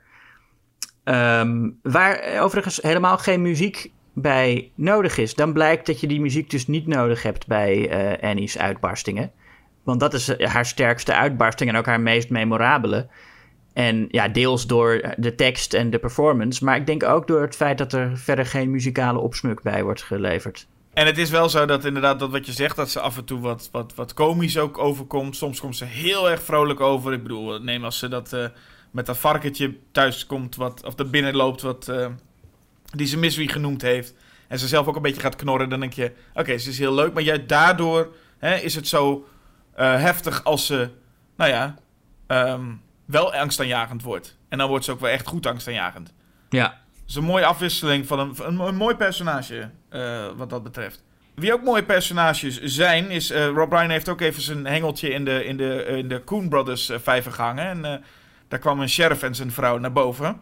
Uh, Richard Farnsworth en Francis Sternhagen spelen Buster en Virginia. En dat vind ik ook een heel erg leuk stel. Ja, dat zijn leuke mensen. En dat is heel fijn, want normaal gesproken zou je denken... als we buiten de situatie van Paul Sheldon en, en Annie Wilkes gaan... dan zakt een film in of krijg je ja, niet zo hele interessante dingen. Nu, ik zou zeggen, geef Buster en Virginia een eigen film. Gewoon, gewoon dat, dat stel superleuk samen en... en, en Los daarvan is deze uh, oude sheriff, de enige sheriff daar, uh, de enige politieman, uh, ook nog eens heel competent. En dat is ook wel eens fijn. Ja, hij is bijna te competent, denk ik. Of tenminste, hij, is, hij weet bijna te goed instinctief waar hij het moet zoeken. Want dat hij dan een, een citaat in een van die misery-boeken vindt, wat dan uiteindelijk de, de, de clue blijkt te zijn. Ik vind het wel ver gaan hoor. Van deze man is vermist, dat zal ik eens gaan doen. Ik ga ze al zijn boeken lezen. Nou, ik geloof niet helemaal dat hij weet, ik ga dat daar zoeken. Ik geloof gewoon dat hij ook zelf het daar op dat moment niet meer helemaal weet. En denkt, nou dan ga ik me maar er wat meer in verdiepen en ga ik die boeken lezen. Ik weet niet of hij nou echt... Daar, nee, hij, is natuurlijk, hij is natuurlijk niet bewust op zoek naar een citaat. Maar het is wel... Ehm, ik vind het een beetje te dat hij op, op die manier erachter komt. Nou, het is wel fijn dat ook de film daar even een, een opmerking over maakt. In, in, de, in de vorm van zijn vrouw Virginia, die dan toch even zegt van. Ja, dan ga je die boeken lezen. Wat denk je nou te vinden? Dat daar in één keer in staat hoe die man uh, als schrijver uh, verdwenen is, bla bla bla.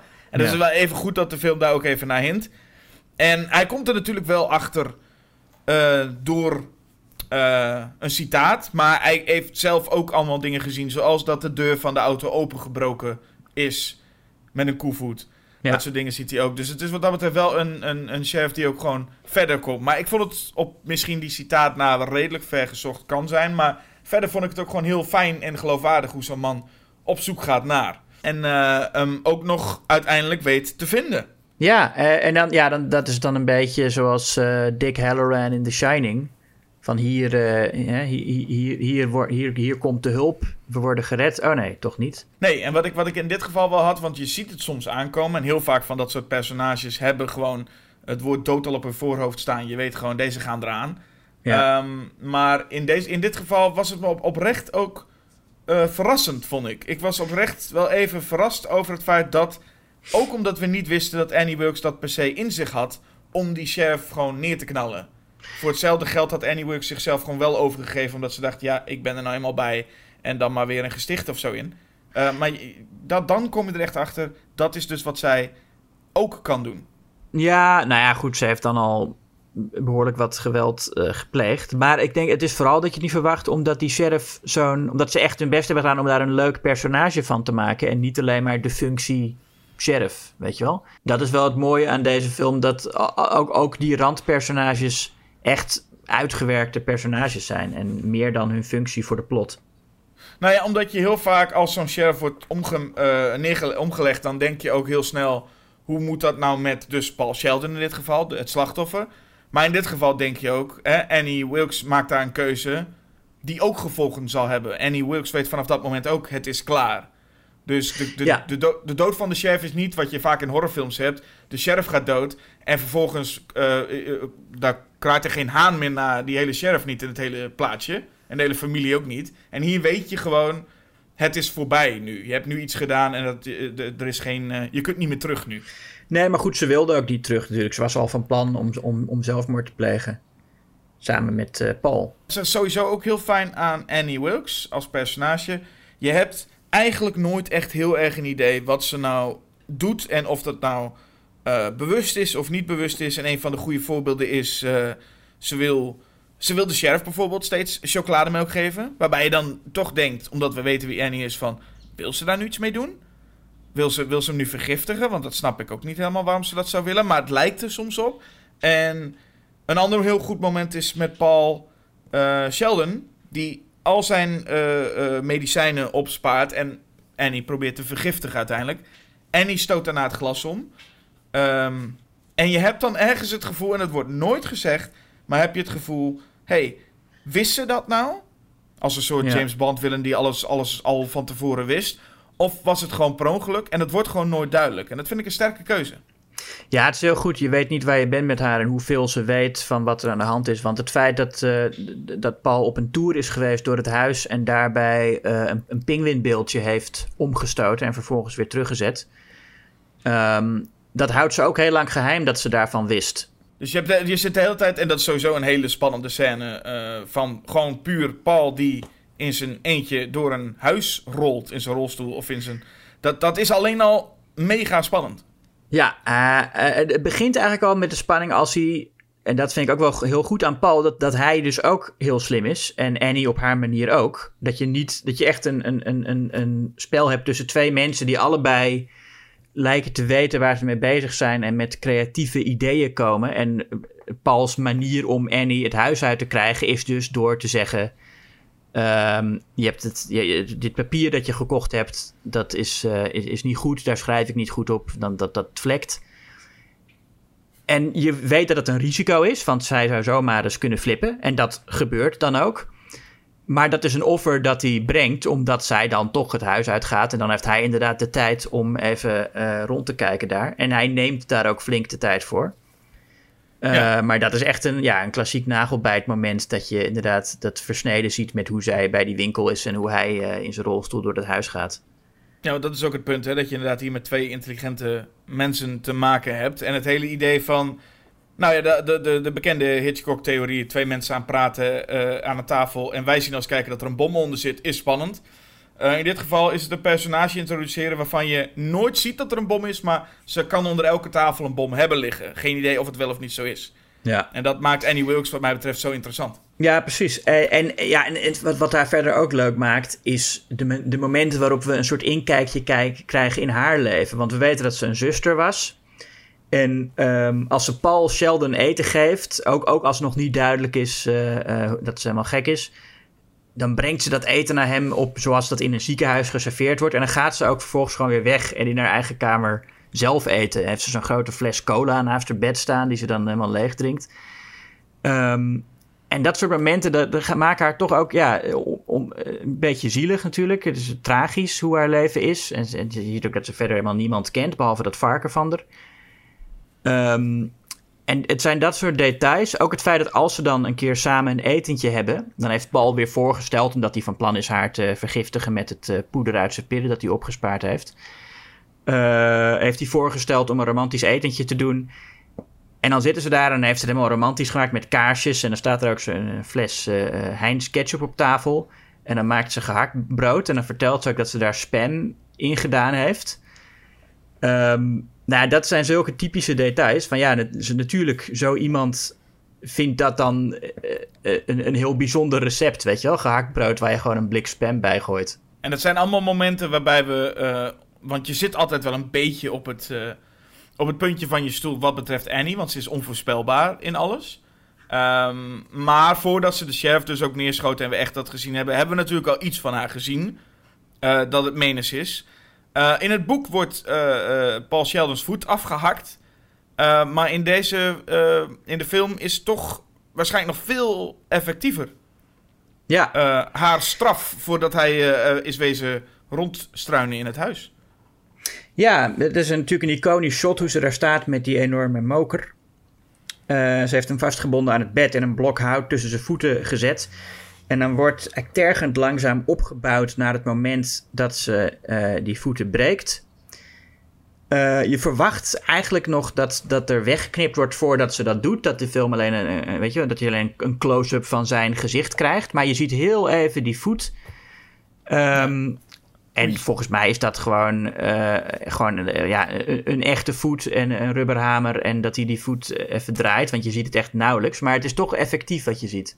Oh, ik zou zeggen, volgens mij is het juist een rubberen voet. Want het, uh, hij maakt wel echt die. die, die hij, hij buigt wel echt. Want daardoor voel je de pijn ook. Omdat je hm. voelt wel dat die voet een beweging ja, maakt. Ja, het zal een nepvoet zijn dan. Ja, want er zit toch wel iets in. En het is inderdaad net op tijd weggeknipt dat je niet kan zien dat het echt nep is. Maar hm. uh, de, de, de, het is wel dusdanig pijnlijk.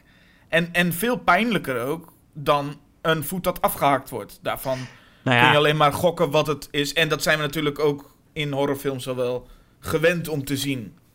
Ja, nee, het is, het is, de pijnlijkste dingen zijn dingen die je zelf kunt voorstellen. Dus als, als, ja, als iemands nagels uitgerukt worden, is dat pijnlijker dan als iemands hand afgehakt wordt om te zien.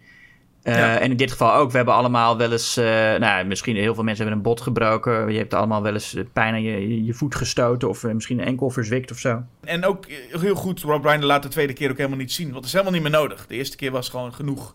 Ja. En uh, ja, vanaf dat moment weten we nog meer. En dat is eigenlijk gewoon elke keer weer zo. Nog meer dat het menens is dat Annie Wilkes gewoon... Uh, nou ja, dat, dat Paul in ieder geval in de problemen zit. Laten we het zo zeggen. Ja, steeds dieper in de nesten raakt hij. Elke keer als hij denkt ik ben uit de nesten, raakt hij weer dieper in de nesten. Ja, en dan is natuurlijk een mooi moment dat de sheriff komt. En dan uh, denk je dus, je, nu, nu zal het wel veilig zijn. Maar nee, ook dan niet.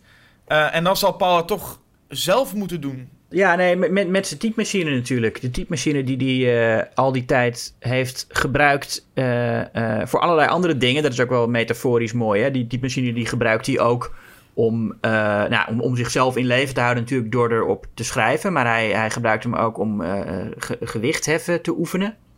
Mm -hmm. En uiteindelijk is het ook het wapen waarmee die Annie Wilkes voor de muil slaat. Ja, hij brandt. hij heeft de laatste pagina's van oh, Misery ja. geschreven. Dus ja, dat vind ik te ver gaan trouwens. Dat hij dat moment dat hij, dat hij die pagina's in de fik steekt en dan allemaal bij haar naar binnen propt en zegt: You want it, eat it. Dat is iets, ik kan me heel goed voorstellen dat Stephen King dat in een boek schrijft en, en dat je het, het leest en dat het dan werkt. Maar ik vind het echt totaal niet werken in de film. Nee, mag je nog blij zijn dat Rob Reiner ervoor gekozen heeft om een scène waarin Annie Works met een grasmaaier over een sheriff heen, of politieagent heen rijdt, dat hij die achterwege heeft gelaten. Want inderdaad, sommige dingen werken op papier misschien wel ietsjes beter dan als je ze in het echt ziet. Maar de typemachine, de typemachine vond ik wel een mooi passend beeld. Dat ik bedoel, zo'n zwaar ding. En dat dat dan het ding is waarmee Annie Wilkes mee uitgeschakeld wordt. Ehm, passend, treffend. Uh, Wat dat betreft ben ik zelf niet zo'n heel groot voorstander van dat Annie Wilkes nog een keer terugkomt en uiteindelijk echt doodgaat door uh, een varkensbeeldje. Ja, dan wordt ze met het varken nog een keer gemapt. Je zou kunnen zeggen, haar varken heet Misery. En uiteindelijk is het ook Misery wat haar einde is. Ja, maar dat vond ik dan iets... iets, maar, iets, uh, iets, iets, nee, dat is, ja, dat is nee. Nee, ik ben het met je eens. Dat is, uh, het was ook helemaal niet zo nodig dat ze nog een keer terugkwam. Nee, maar wat wel grappig is, dat Rob Reiner dus uh, in, in, in een dvd-commentaar en in interviews uitgebreid liep te verkondigen dat hij zei van nou, dat die schurk nog niet dood is aan het einde. Ja, dat, dat, dat is inmiddels wel bekend, maar in 1990, nou, toen dat, was ik de eerste die dat deed de schurk die nog, nog terugkwam. Niemand had het nog gezien. En dan denk ja. je toch wel van... Meneer Ryan heeft iets te weinig uh, films gezien, geloof ik. Ja, hij uh, heeft alle slashers van de jaren tachtig gemist. Nee, nou was sowieso al bekend dat volgens mij Rob Reiner niet zo'n groot fan was van horrorfilms. Daarom was hij tijdens Stand By Me ook een beetje huiverig om een film van Stephen King te gaan maken. Um, maar goed, laten we zeggen, als, in, in, als zes jaar na, na Misery er in Scream een punt wordt, ge, wordt gemaakt van het feit dat het zo'n gigantisch cliché is, dan mag Rob Reiner toch ook wel weten. Ja. Nou, dit is volgens mij gewoon een cliché. En voor mij ook een cliché die achterwege had kunnen blijven van hoe Annie Wilkes is nog, nog steeds levend. Uh, ja. wat, wat dat betreft is het echte einde wat we nu krijgen iets passender. Waarbij inderdaad blijkt Annie Wilkes is nog levend. Maar dan puur in het hoofd van uh, Paul Sheldon, die het nog niet heeft verwerkt. Ja, hij ziet haar in een, uh, in, in, een, in, een, in, een, in een ja, een serveerster in een, rest, in een restaurant waar hij zit met, met zijn agent. Ja, het is een beetje vergelijkbaar als het einde van Carrie, hè? want een personage heeft, het, heeft het, de gebeurtenissen nog in het hoofd zitten en raakt het misschien wel ja. nooit meer kwijt. Alleen in dit geval is het dan geen jumpscare, maar gewoon een moment waarop Paul zit met zijn, nou ja, een nieuw boek geschreven. En hij zit eigenlijk. En hij ziet Annie Wilkes eventjes. En dan weet je ook van ja, hij raakt het niet meer kwijt. Ja, nee, dat is wel fijn dat, dat er nog in. Dat het niet alleen maar is van. Uh, oh, hij heeft nou een boek geschreven. dat uh, waarschijnlijk goed ontvangen gaat worden. Althans, dat vertelt die agent hem.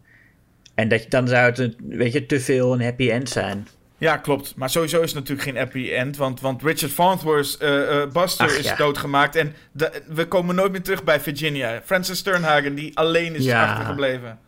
En wat dacht je van het varken Misery? Wie zorgt er voor haar? Oh, die is ook alleen. Ik hoop dat er ergens een, een universum is waarbij Francis Sternhagen een, het varken Misery gaat verzorgen. dat ze toch nog op die manier bij elkaar komen, ja. Dat, dat, ja, dat gun ik, gun ik ze wel. Net als dat ik Carrie een hoop gunde, gun ik deze personages ook, uh, ook ja. veel. Arme, arm, arme Buster en Virginia. Maar goed, het moest zo ja. zijn voor deze verfilming. En dat was dan Misery. Ja, ik vind, ik moet zeggen, ik vind het personage Annie Wilkes uh, um, soms gewoon niet zo goed geschreven. Haar dialogen. Het is, ik bedoel, het, het, is, soms komt ze heel over de top over en ongeloofwaardig. En dan denk ik van, is dat nou Kathy Bates? Maar het zijn gewoon de dialogen en zinnen als op een gegeven moment zegt ze tegen Paul: If I die, you die. En dan denk ik van ja, maar dat, dat is toch al lang duidelijk. En dat, dat zou je toch niet zeggen op die manier? Nee, snap ik inderdaad. Ze heeft een aantal van die momenten waarop gewoon echt de, de dingen die ze zegt uh, mij storen. Dat ze een beetje te veel als een standaard schurk wordt uh, neergezet. Nou, daarentegen is een, is een dialoogzin van haar als... als um, je weet niet wat het betekent voor iemand als mij om iemand als jou te verliezen. Wel weer heel treffend en mooi. Ja, nee, er zit ook een goede dialoog in, zeker. Nee, er zitten ook heel veel goede keuzes in wat betreft haar uh, personage. Maar ik, ja, en, ook zeker in, in, haar, in haar mood swings en hoe ze op sommige momenten heel somber door het huis schokt en eigenlijk nergens echt heftig op reageert. Dat is wel mooi, hè? Dat, dat ze dan zegt van, nou, ik heb een pistool gekocht, met, of ik heb twee kogels gekocht. En dan is, eigenlijk, dan is er niks wat je kan doen om, om haar uit die somberheid te krijgen. Ze wordt ook niet boos en ze wordt ook niet meer blij als Paul dan zegt van... Uh, oh, ik ga het boek afschrijven, zus, zus en zo. Ze reageert gewoon altijd in diezelfde vlakke, uh, emotieloze uh, roes waar ze dan in zit. En dat werkt ook zo goed aan de, aan de onvoorspelbaarheid van haar personage. Hè? Dat je gewoon echt wel... Je, want oké, ze reageert zo... Maar wij hebben alle emoties inmiddels gezien. Dus vragen we ons elke keer weer af. En Paul net zo goed met ons. Als die deur open gaat, wie hebben we op dat moment tegenover ons? Ja, precies. Ik vraag me wel af dat ze dat plakboek heeft gemaakt met al haar misdaden uit het verleden. Uh, ik kan me voorstellen dat ze dan een beetje bijhoudt welke baby's ze allemaal vermoord heeft als zuster. dat schrijft ze dan ook wel erbij van another baby. Nou ja, uh, oké. Maar dat ze ook al die krantenartikelen uitknipt en erin plakt, dat weet ik niet. Misschien iets van, oh, ik sta in de krant. Ik kan me voorstellen, ja, misschien dat ze daar dan iets van vindt. Van, oh, ik vind het leuk om, om bij te houden dat ik in de krant sta. Ja, wat voor, hoe zij wordt neergezet als personage, dan, dat, dat, ja. die nou, obsessies, nou, dat uh, vind ik eigenlijk nog wel passend. Ja, je hebt ook gelijk. Ja, nee, dat plakboek, dat is, dat is, dat is prima. het plakboek is nee, prima. goed, daar zijn we eruit. Het plakboek is goed. Misery Plak is oké. Okay. Plakboek is goed, Misery is oké, Carrie is oké. Wat, uh, waarom Carrie, Julius? Eh, geef dan maar een laatste, laatste woord. Waarom Carrie? Misery is gewoon een oerdegelijke thriller. Uh, niet zoveel mis mee. Maar ja, Carrie vind ik een meesterwerk. Um, de, de, soundtrack is een van mijn favoriete soundtracks. Maar het is ook gewoon zo'n stilistisch spektakel. Um, ja, dat is gewoon een heel andere categorie dan wat uh, uh, Rob Reiner doet. Het is een van de mooiste De Palma films en een van de meest expressionistische De Palma films. Um, dus ja, om, om die reden.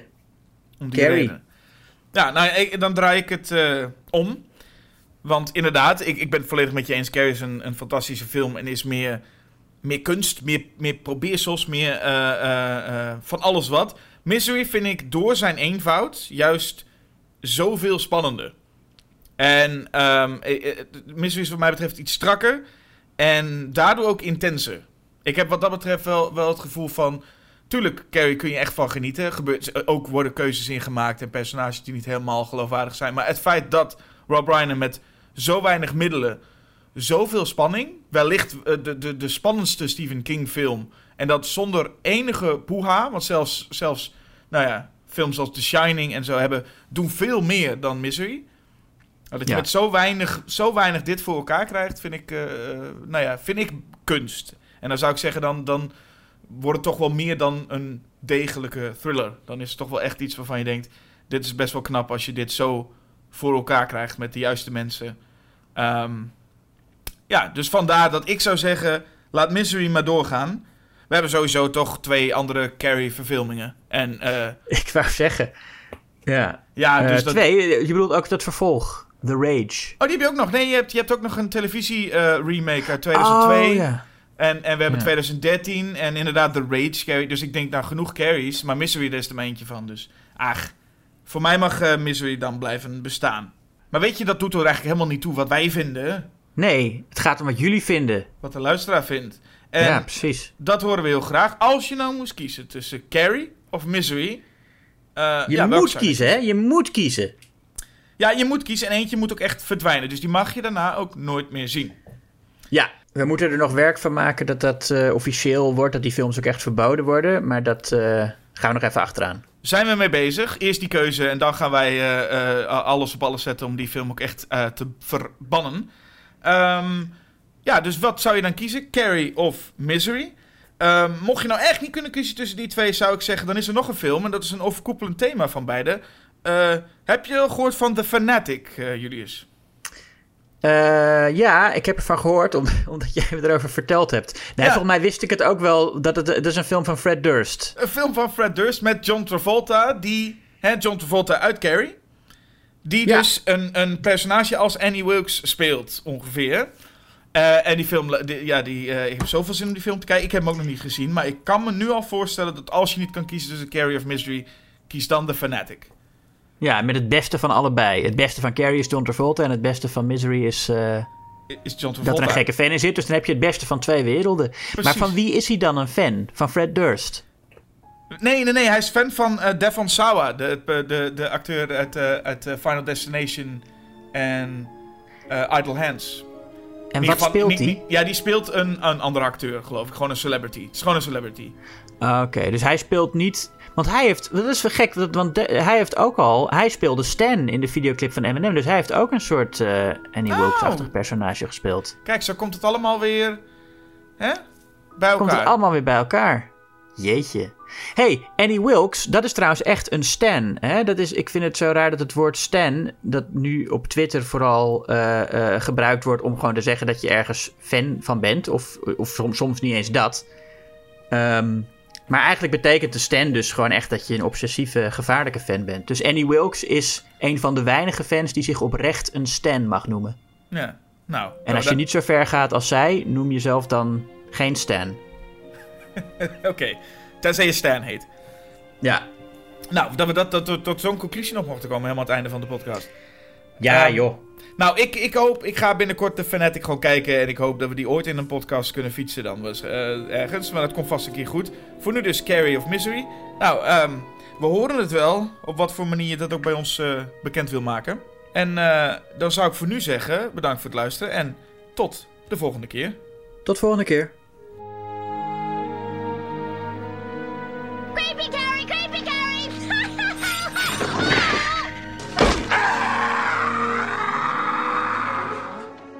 God, I love you.